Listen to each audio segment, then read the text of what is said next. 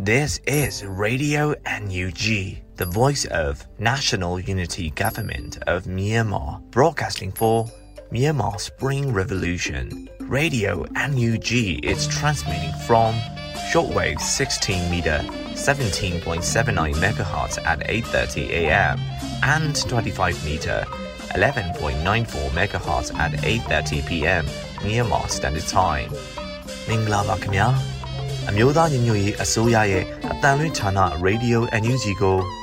မနက်ပိုင်း၈နာရီခွဲမှာလိုင်းတို16မီတာ7.3 MHz ညပိုင်း၈နာရီခွဲမှာလိုင်းတို25မီတာ17.6 MHz တို့မှာဓာတ်ရိုက်ဖမ်းယူနိုင်စနိုင်ပါပြီမင်္ဂလာအပေါင်းနဲ့ပြည့်စုံကြပါစေအခုချိန်ကစပြီး Radio NUG အစီအစဉ်တွေကိုဓာတ်ရိုက်အတန်လွှင့်ပေးနေပါပြီ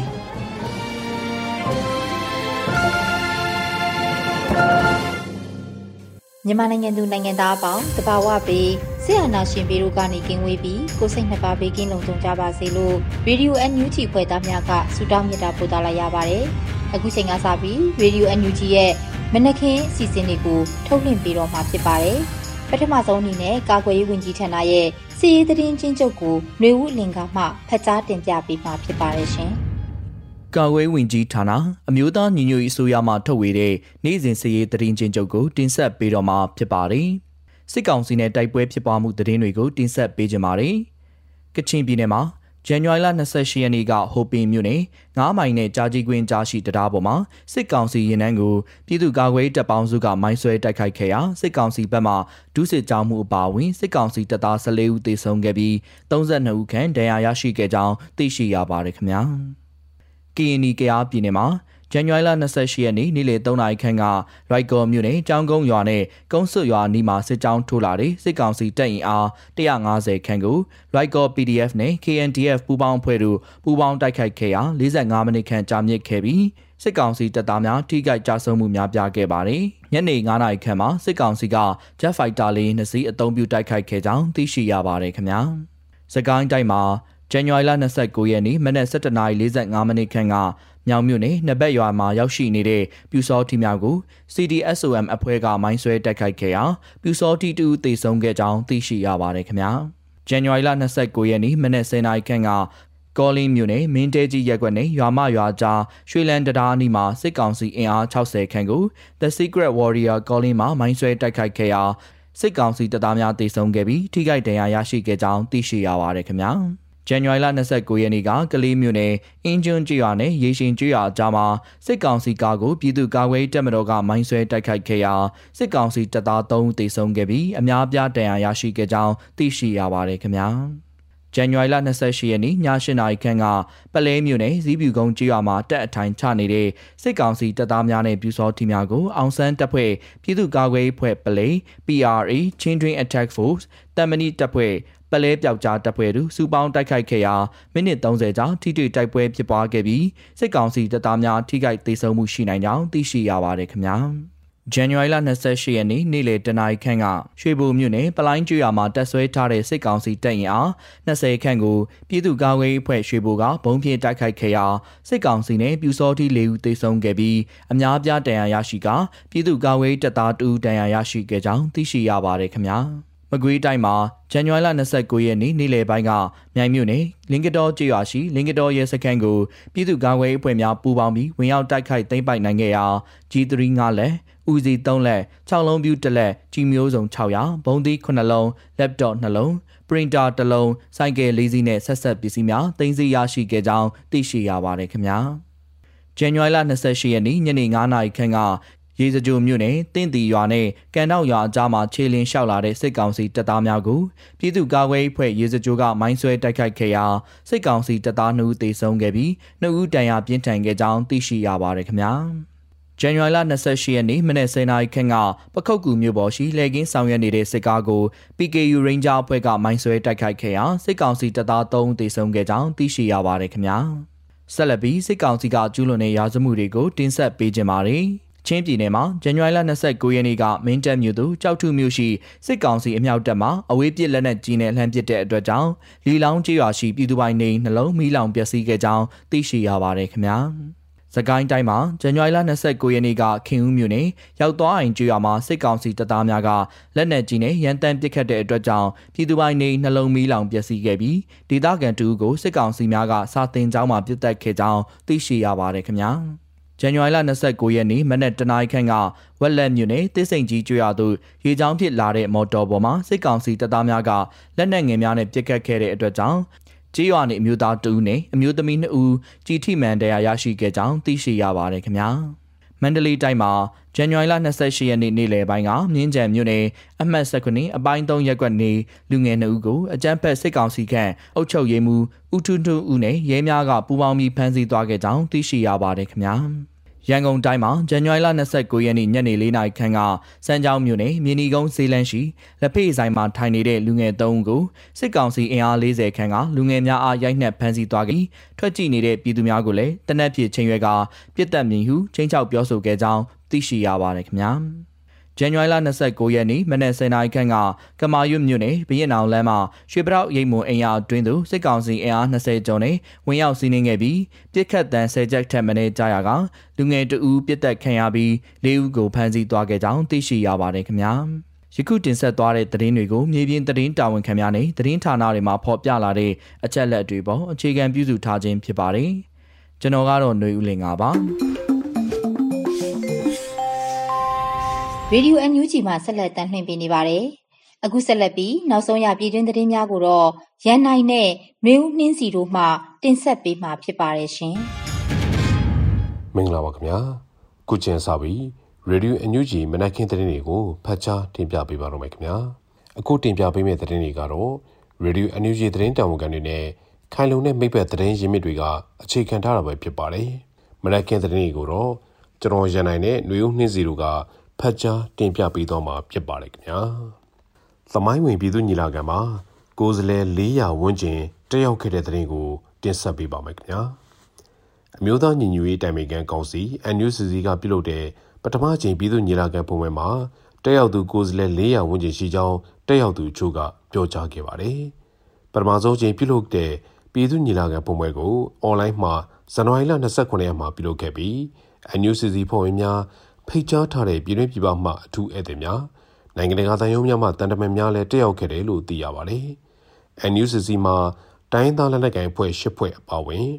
ကိုယ်စားလှယ်အဖွဲ့ပေါင်း28ဖွဲ့အထိစုစည်းမိနေပြီဖြစ်ကြောင်း2021ခုနှစ်ကုန်ပိုင်းမှာပြုလုပ်ခဲ့တဲ့သတင်းစာရှင်းလင်းပွဲမှာပြောကြားထားခဲ့တာပါ။စစ်အာဏာရှင်စနစ်ဖြုတ်ချဖို့ Federal Democracy စစ်ထူထောင်ဖို့ကြိုးပမ်းမှုမှာ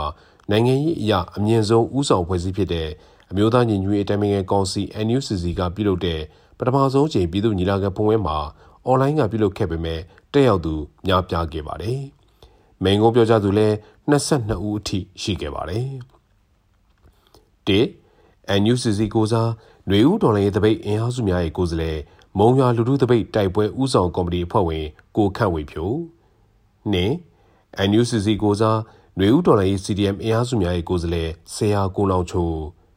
3ရွေးကောက်ခံလွှတ်တော်ကိုယ်စားလှယ်များအစုအဖွဲ့မှပြည်ထောင်စုလွှတ်တော်ကိုစားပြုကော်မတီ CRPH ဥက္ကဋ္ဌဦးအောင်ကြည်ညွန့်4တိုင်းသားတော်လှန်ရေးဖွဲ့စည်းများကိုစား KNI မျိုးသားတိုးတက်ရေးပါတီ KNPP ဥက္ကဋ္ဌခူဦးရယ်5တပိတ်ကော်မတီများ CDM အင်အားစုများ CSO များအစရှိတဲ့ຫນွေဦးတော်လိုင်းအင်အားစုများကိုစားဦးမင်းကိုနိုင်6ຫນွေဦးတော်လိုင်းအင်အားစုများ GSCB မှ မတ်အေးမြင့်အောင်အောင်ခုနှစ်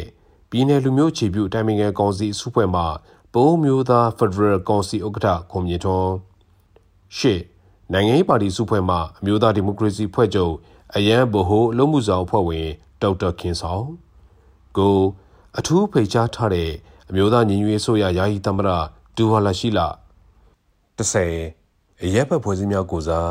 ရဝန်းသိအဖွဲ့မှဇက်နန်ရော17 အထူးဖိတ်ကြားထားတဲ့အမျိုးသားညီညွတ်ရေးအစိုးရပြည်ထောင်စုဝန်ကြီးချုပ်မန်ဝင်းခိုင်တန်း၁၂ဂျာကာလာချင်းမျိုးသားတိုင်ပင်ခံကောင်စီကိုစားချင်းမျိုးသားတအူ CNF ဥက္ကဋ္ဌပူဇင်ကျုံ73အထူးပိတ်ကြားထားတဲ့ရခိုင်မျိုးသားကောင်စီ ANC ဥက္ကဋ္ဌဗိုလ်မှူးကြီးမင်းထွန်း14အထူးပိတ်ကြားထားတဲ့မြို့သမီးများဖွဲ့ချုပ် WLB အထွေထွေတွင်းမှုနော်ဆဆဲ15 မွန်မီနယ်ဂျာဂလာပူပေါင်းဆောင်ရေးကော်မတီမှနိုင်သူဝနာ16အထူးပိတ်ကြားထားတဲ့ဧည့်သည်တော်ကုလသမဂ္ဂမြန်မာနိုင်ငံဆိုင်ရာလူ့ခွင့်ရေးကြီးညာစာတမ်းတင်သွင်းသူ Mr. Tom Andrew 19အထွေထွေသပိတ်ပူးပေါင်းဆောင်ရေးကော်မတီကိုနန်းလင်း18လူလူခြေပြူအထွေထွေသပိတ်ကော်မတီမှမှတ်တင်စာရှွန်းလက်ရီ19လူမျိုးပေါင်းစုံအထွေထွေသပိတ်ကော်မတီမှစလိုင်းဝီလျံ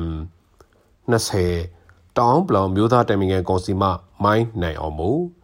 21အထူးပိတ်ကြားထားတဲ့ International Trade Union Confederation ထွေထွေမှုချုပ် Miss Sharon Burrow 22လူသမားများသမဂ္ဂကိုစားဦးနန္ဒစစ်အောင်တို့ကအသီးသီးမိန်ကွန်းပြောကြားခဲ့ကြပါတယ်။ NUCC မှာ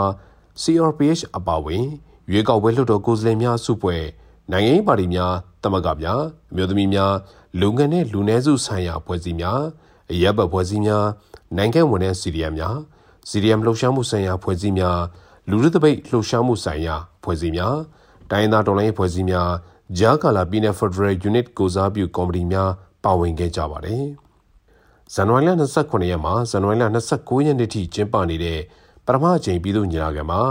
NUCC ကဆယ်လကျော်အချိန်ယူပြင်ဆင်ရေးဆွဲခဲ့တဲ့ Federal Charter ကိုအတည်ပြုရေး NUCC လုပ်ငန်းလမ်းညွှန်ဖွဲ့စည်းခြင်းကိုအတည်ပြုရေးနဲ့ NUG အစိုးရဖွဲ့ကိုအတည်ပြုရေးစရဲ့လုပ်ငန်းစဉ်၃ရက်ကိုအဓိကဆွေးနွေးဆုံးဖြတ်မယ်လို့သိရှိရပါတယ်။သတင်းစာရှင်းလင်းပွဲကိုဒီကနေ့ဇန်နဝါရီလ30ရက်နေ့မြန်မာစံတော်ချိန်နေ့နဲ့2နာရီခွဲမှာပြုလုပ်မယ်လို့သိရှိရပါတယ်ခင်ဗျာ။ဆက်လက်ပြီးတော့ကြန့်ရှိနေတဲ့သတင်းတွေကိုຫນွေဦးနှင်းစီကဆက်လက်တင်ဆက်ပေးတော့မှာပဲဖြစ်ပါတယ်ခင်ဗျာ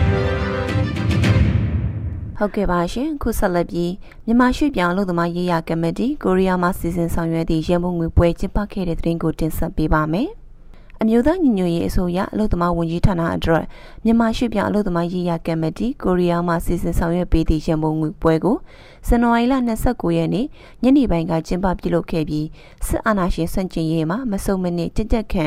ပါဝင်နေတဲ့အမျိုးသားညီညွတ်ရေးအစိုးရအလို့သမားဝန်ကြီးဌာနမှပြည်သူအာဇာနည်စီရီယံဝန်ထမ်းတွေကိုအထောက်အပံ့ပေးနိုင်ဖို့နဲ့ပြည်တွင်းပြည်ပကအခက်အခဲမျိုးစုံကြုံတွေ့နေရတဲ့အလို့သမားများအရေးပေါ်ကူညီလိုအပ်နေတဲ့အလို့သမားတွေကိုကူညီထောက်ပံ့ပေးနိုင်ဖို့နဲ့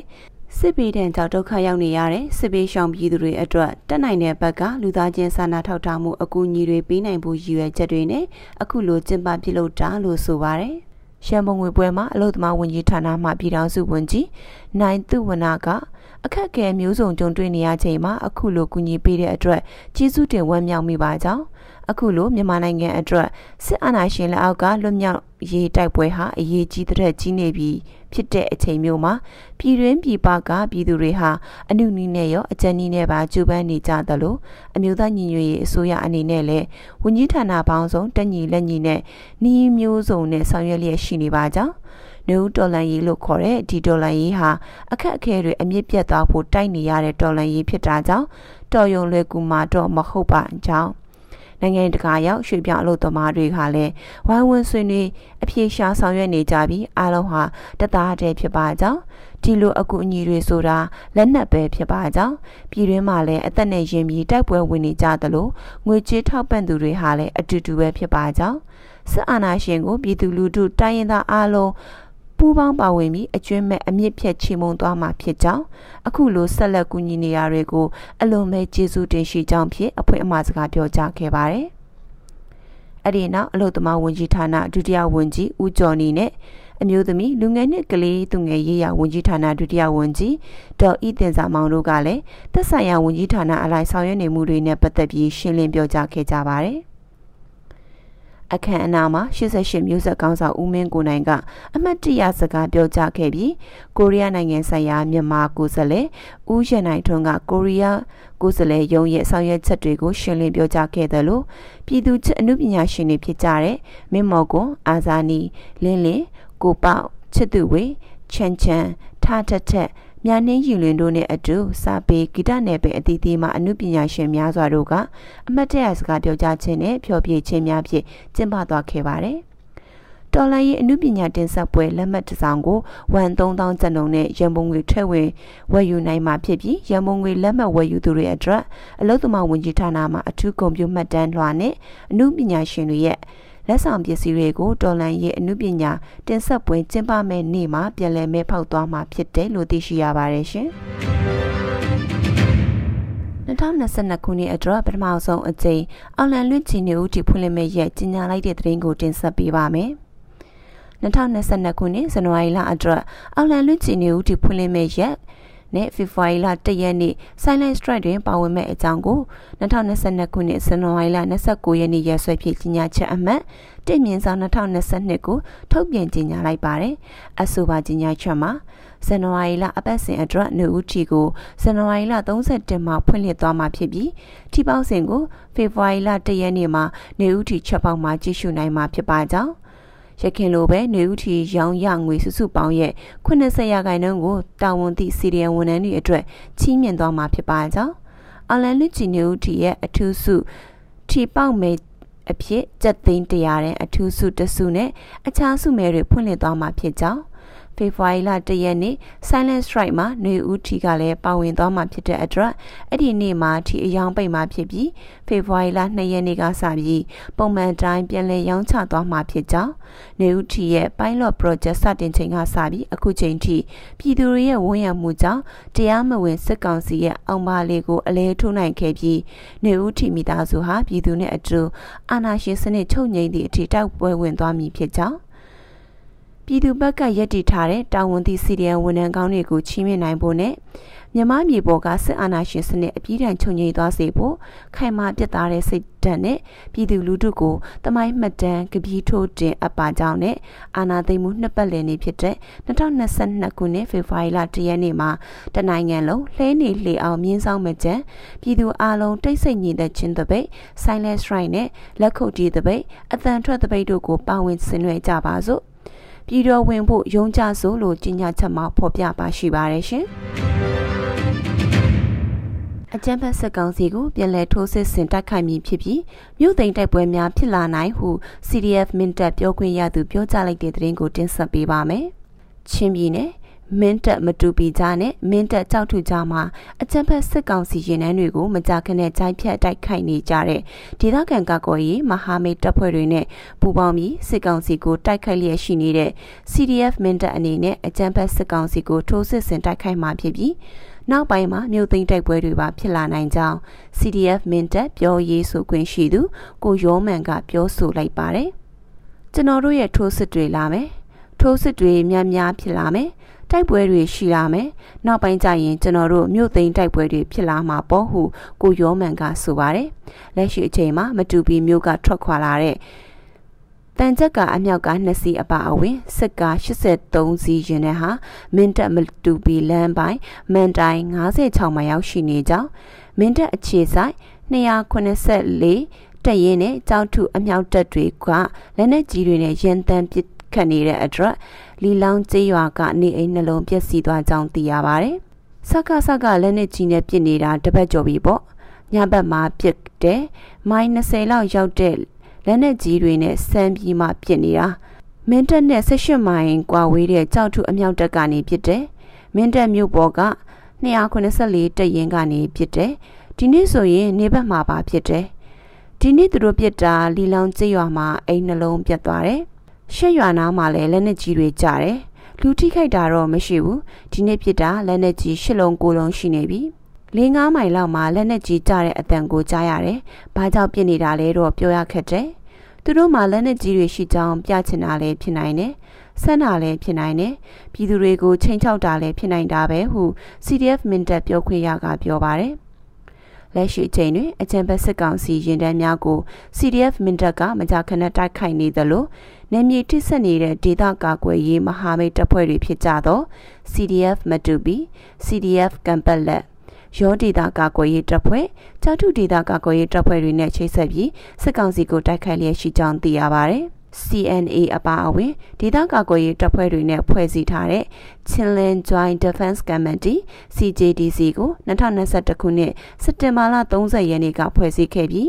CDF မင်းတပ်လည်းအဖွဲ့ဝင်အပြည့်ပါဝင်ထားကြောင်းသိရပါတယ်။ Radio NUG မှာဆက်လက်တင်ပြနေပါတယ်။အခုဆက်လက်ပြီးနေ့စဉ်သတင်းများကိုတော့ထထအင်ဒရာအောင်မှတင်ဆက်ပေးမှာဖြစ်ပါတယ်ရှင်။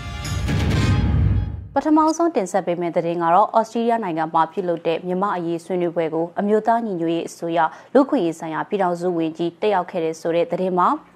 အကြမ်းဖက်စစ်ကောင်စီဘက်ကမြမအရေးဆွေးနွေးပွဲကိုမပြုလုပ်ဖို့အတွက်ကန့်ကွက်မှုတွေလှုပ်ထားပေမဲ့လည်းဩစတြေးလျနိုင်ငံမှာပြုလုပ်ခဲ့တဲ့ဒီဆွေးနွေးပွဲကိုအမျိုးသားညီညွတ်ရေးအစိုးရလူ့အခွင့်အရေးဆိုင်ရာဝန်ကြီးဌာနပြည်ထောင်စုဝန်ကြီးဦးအောင်မျိုးမင်းတက်ရောက်ဆွေးနွေးခဲ့ပါတယ်။ ဩစတြေးလျနိုင်ငံမှာပြုလုပ်တဲ့ဆွေးနွေးပွဲကိုအကြမ်းဖက်စစ်ကောင်စီလက်ပါစီတန်ယုံကမပြုလုပ်ဖို့အတွက်ကန့်ကွက်စာပေးပို့ခဲ့ပေမဲ့နိုင်ငံတကာမှာမြမအရေးကိုဘလို့ဝိုင်းဝန်းဆောင်ရွက်ကြမလဲဆိုတဲ့အချက်ကိုဆွေးနွေးမှုတွေလုပ်ခဲ့တယ်လို့ဦးအောင်မျိုးမင်းကပြောပါတယ်။အစည်းအဝေးကိုအောင်မြင်လုပ်နိုင်ဖို့အတွက်ကိုလည်း Diplomatic Academy Vienna ကအစစရရကူညီခဲ့တယ်လို့ပြည်ထောင်စုဝန်ကြီးကပြောကြားထားပါတယ်။ဆွေးနွေးပွဲမှာဦးအောင်မျိုးမင်းအပါအဝင် OSCE ဆိုင်ရာဩစတြေးလျတန်အမတ်ဟာ ကုလသမဂ္ဂဂျီနီဖာဆိုင်ရာဒါရိုက်တာဥရောပနဲ့လုံခြုံရေးမူဝါဒဆိုင်ရာ Australia Institute ဘုတ်ဖွဲ့ခရစ်စတိုနဲ့မြန်မာနိုင်ငံဆိုင်ရာ EU ကိုယ်စားလှယ်ဟာဂီယောဘာလာတို့ဆွေးနွေးခဲ့ကြပါတယ်။ဆက်လက်ပြီးတော့မြို့သိမ်းတိုက်ပွဲတွေဖြစ်လာနိုင်တယ်လို့အမျိုးသားညီညွတ်ရေးအစိုးရကာကွယ်ရေးဝန်ကြီးဌာနအတွင်းဝင်ဦးနိုင်ထူအောင်ပြောကြားလိုက်တဲ့ဆိုတဲ့သတင်းကိုတင်ဆက်ပေးပါမယ်။ ခုခံတော်လှန်စစ်တွေနဲ့အရှိန်မြင့်နေတဲ့အချိန်မှာပဲအမျိုးသားညီညွတ်ရေးအစိုးရကာကွယ်ရေးဝန်ကြီးဌာနအတွင်းဝင်ဖြစ်သူဦးနိုင်ထူအောင်ကတော့မြို့သိမ်းတိုက်ပွဲတွေဖြစ်လာနိုင်တယ်လို့ပြောကြားလိုက်ပါတယ်။မြန်မာနောက်သတင်းဌာနနဲ့အင်တာဗျူးမှာမြို့သိမ်းတိုက်ပွဲတွေကတော့ဖြစ်လာနိုင်ပါတယ်လို့ကာကွယ်ရေးအတွင်းဝင်ဦးနိုင်ထူအောင်ကပြောကြားလိုက်တာပါ။အမျိုးသားညီညွတ်ရေးအစိုးရအနေနဲ့ကတော့အကြမ်းဖက်စစ်ကောင်စီလိုပြည်သူတွေဘလောက်ထိထိဆိုတဲ့ပုံစံမျိုးကိုလုံးဝပြုတ်ချင်မှာမဟုတ်ဘဲ Standard Army တခုကလှုပ်ဆောင်တဲ့စံနှုန်းတွေအတိုင်းသာလှုပ်ဆောင်မယ်လို့ပြောထားပါတယ်။ မြို့သိမ်းတိုက်ပွဲတွေဖော်ဆောင်တဲ့အခါမှာမဟာဗျူဟာအရထည့်သွင်းစဉ်းစားမယ့်အချက်တွေကိုအခြေခံစဉ်းစားသွားမှာဖြစ်တယ်ဆိုတာနဲ့လူမှုစိတ်သက်တက်သွားရင်ပြီးတော့ဆိုတာမျိုးမဟုတ်ပဲခိုင်ခိုင်မာမာနဲ့တဆင့်ချင်းလှမ်းသွားမှာဖြစ်တယ်လို့ဦးနိုင်ထူအောင်ကပြောပါတယ်။ဒါ့အပြင်မြို့သိမ်းတိုက်ပွဲတွေကိုပုံဖော်ရမှာလဲထိခိုက်ဆုံးရှုံးမှုအ ਨੇ ဆုံးဖြစ်အောင်နဲ့စစ်ရေးဆိုင်ရာမဟာဗျူဟာရည်မှန်းချက်တွေထိထိရောက်လှုပ်ဆောင်ဖို့စီစဉ်နေတယ်လို့ဆိုထားပါတယ်။ ဒီလိုလှုပ်ဆောင်တဲ့အခါမှာကိုယ့်ဘက်ကတက်သားအကြအဆုံးနေအောင်လက်နက်ခဲယံကုန်ကြမှုအ ਨੇ ဆုံးဖြစ်အောင်တွေကစတွက်ချက်ထားတယ်လို့မှတ်ချက်ပြုထားပါတယ်။စီရေးမဟာဗျူဟာအရလည်းမြို့ပြပျောက်ကြားနီးစနစ်လည်းရှိမှဖြစ်တယ်လို့ကာကွယ်ရေးအတွင်းဝန်ကမှတ်ချက်ပြုထားပါတယ်။ဆက်လက်ပြီးတော့ကရင်မျိုးသားစီယုံ KNU ရဲ့ဒုပလယာခရိုင်ဥက္ကဋ္ဌဘဒုစောရွှေမောင်ယာရုကနှုတ်ထွက်အနားယူရဲဆိုတဲ့သတင်းကိုတင်ဆက်ပေးပါမယ်။ ကရင်မျိုးသားစီယုံ KNU ရဲ့ဒုပလယာခရိုင်ဥက္ကဋ္ဌဖြစ်တဲ့ဘဒုစောရွှေမောင်ကခရိုင်အတွင်းမှာအရေးပေါ်အစည်းအဝေးခေါ်ယူပြီးတော့တာဝန်ကနေနှုတ်ထွက်ခွင့်တောင်းလိုက်ပြီးလို့ KIC သတင်းဌာနကခရိုင်တာဝန်ရှိတဲ့သူတွေနဲ့နှီးစပ်တဲ့သတင်းရင်းမြစ်ကိုကိုးကားပြီးတော့ဖော်ပြလိုက်တာပါ။ KIC သတင်းဌာနရဲ့ဖော်ပြချက်မှာတော့ဇန်နဝါရီ29ရက်မှာလုပ်ခဲ့တဲ့ခရိုင်ရေးပေါ်အစည်းအဝေးမှာနှုတ်ထွက်မယ်ဆိုတဲ့အကြောင်းကိုတရားဝင်အသိပေးခဲ့တာဖြစ်ပြီးတော့ခရိုင်ဥက္ကဋ္ဌတက်တန်းမကုံဆုံးသေးပေမဲ့လည်းလာမယ့်ခရိုင်ကွန်ဂရက်ကျင်းပတဲ့အချိန်အနားယူခွင့်ပြုလိုက်တာဖြစ်တယ်လို့ဖော်ပြထားတာကိုတွေ့ရပါတယ်။ခရိုင်တာဝန်ရှိသူတယောက်ရဲ့စကားကိုကိုးကားပြီးတော့ KIC သတင်းဌာနကတက်တန်းပြည့်တဲ့အထိဘဒုစောရွှေမောင်အနေနဲ့အနားယူမှာဖြစ်ပြီးတော့အခုလည်းညီလာခံခေါ်ပြီးပြန်လွှဲပေးလိုက်တာဖြစ်တယ်လို့ရေးသားထားတာကိုတွေ့ရပါတယ်။ ကရင်မျိုးသားစီယုံ KNU ဗဟိုနဲ့ခရိုင်အဆင့်ခေါင်းဆောင်တွေရဲ့တာဝန်ထမ်းဆောင်တဲ့တပ်တန်းက၄နှစ်ဖြစ်ပါတယ်။လက်ရှိချိန်မှာတော့ခရိုင်ဥက္ကဋ္ဌတာဝန်တွေကိုတပ်မဟာ6တပ်မမှုထမ်းတာဝန်လွှဲပြောင်းထားတယ်လို့လည်းသိရပါတယ်ရှင်။မြန်မာနိုင်ငံသူနိုင်ငံသားအားလုံးပဲဆရာနာရှင်ပေးကနေအမြန်ဆုံးလွတ်မြောက်ကြပါစေလို့ဆန္ဒပြုလိုက်ရပါတယ်။ကျေးဇူးတင်ပါတယ်ရှင်။အခုဆက်လက်ပြီးတိုင်းရင်းသားဘာသာစကားအစီအစဉ်နေနဲ့ချိုးချင်းဘာသာစကားခွဲတစ်ခုဖြစ်တဲ့ မွန်းဘာသာဖြင့်သတင်းထုတ်လွှင့်မှုကို တင်ဆက်ပေးမှာဖြစ်ပါတယ်။ဒီအစီအစဉ်ကို Radio NUG နဲ့ချိုးချင်းဘာသာစကားထုတ်လွှင့်မှုအစီအစဉ်ဖွဲ့တို့ပူးပေါင်းထုတ်လွှင့်တာဖြစ်ပါတယ်ရှင်။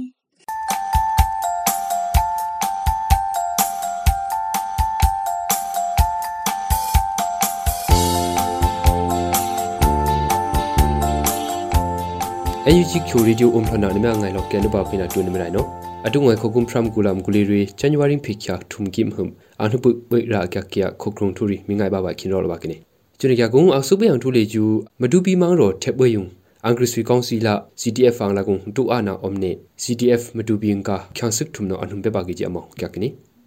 ချိုခုမဒူပီမောင်းရောမဒူပီလာပလက်ဝါဆေနကမော်တော်လပ်ခနာအင်္ဂရိစီကောင်စီလာ CTF မ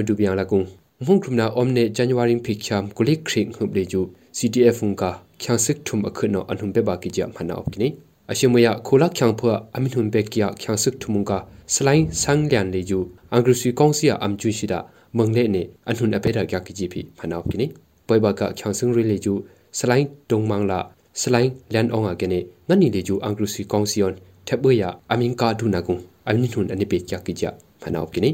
ashina angru si no am chu shi da mong le ne anhun be kya slain sang lian le ju krung khuima pi kya kene င်းဆိုင်လန်လေကျူကရုံခွိမပိကကနေပွိုင်ဘကစလိုင်းတုံမန်လေကျူယန်ကုမောင်ရော NRDC ကြောင်ကာကြောင်ကိုင်တမန်ကြအမ်ဟုတ်ချန်တမချကိကြဖနောက်ကိနီ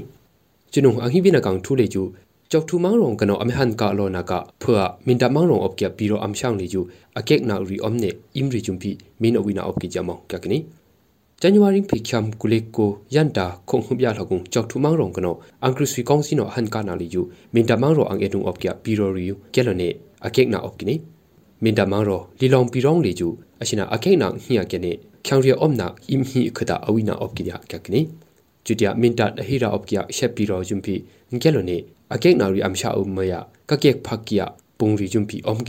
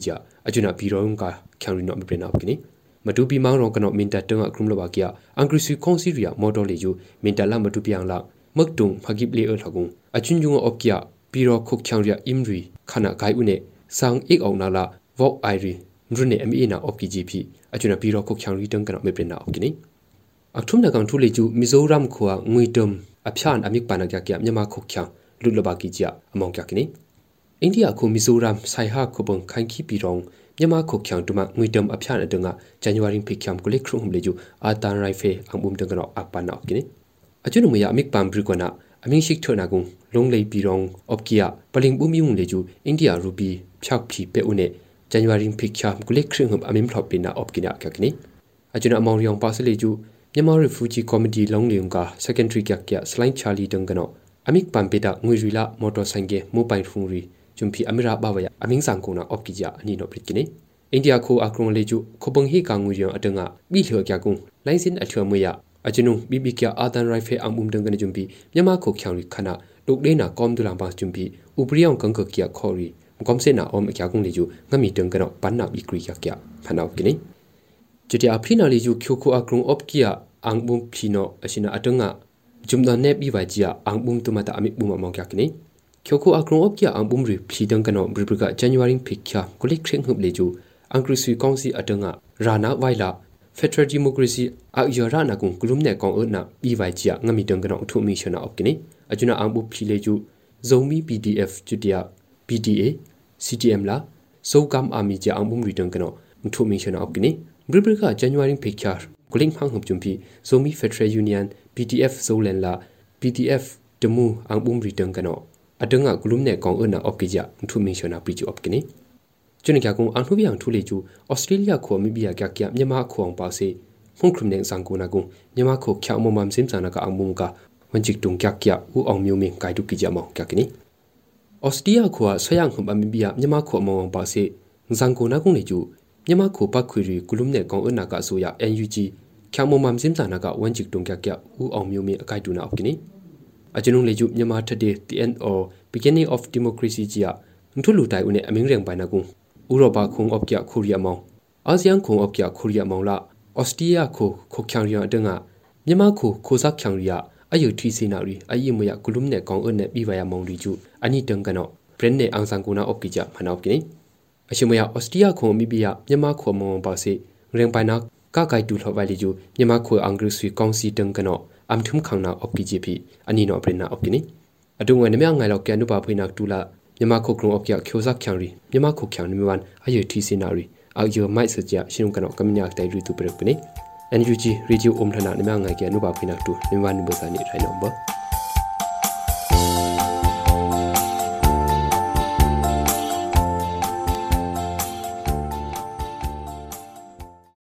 ဒီကနေ့ကတော့ဒီညနေပဲ Radio NUG ရဲ့အစည်းအဝေးတွေကိုခਿੱတရရနိုင်ပါမယ် မြန်မာစံတော်ချိန်မနက်၈နာရီခွဲနဲ့ည၈နာရီခွဲအချိန်တွေမှာပြန်လည်ဆုံးဖြတ်ကြပါစို့ Radio NUG ကိုမနက်ပိုင်း၈နာရီခွဲမှာလိုင်းဒို16မီတာစက္ကန့်တသမ9 MHz ညပိုင်း၈နာရီခွဲမှာလိုင်းဒို25မီတာ17သမ6 MHz တို့မှာဓာတ်ရိုက်ဖမ်းယူနားဆင်နိုင်ပါပြီမြန်မာနိုင်ငံသူနိုင်ငံသားများကိုစိတ်နှပြကျန်းမာချမ်းသာလို့ဘေးကင်းလုံခြုံကြပါစေလို့ Radio NUG အဖွဲ့သူအဖွဲ့သားများကဆုတောင်းလိုက်ရပါတယ်။အမျိုးသားညီညွတ်ရေးအစိုးရရဲ့စက်သွေးရေးတရင်အချက်အလက်နဲ့ဤပညာဝန်ကြီးဌာနကထုတ်လွှင့်နေတဲ့ Radio NUG ဖြစ်ပါတယ်။ San Francisco Bay Area အခြေစိုက်မြန်မာမိသားစုများနဲ့နိုင်ငံတကာကစေတနာရှင်များလှုပ်အားပေးများရဲ့ Radio NUG ဖြစ်ပါတယ်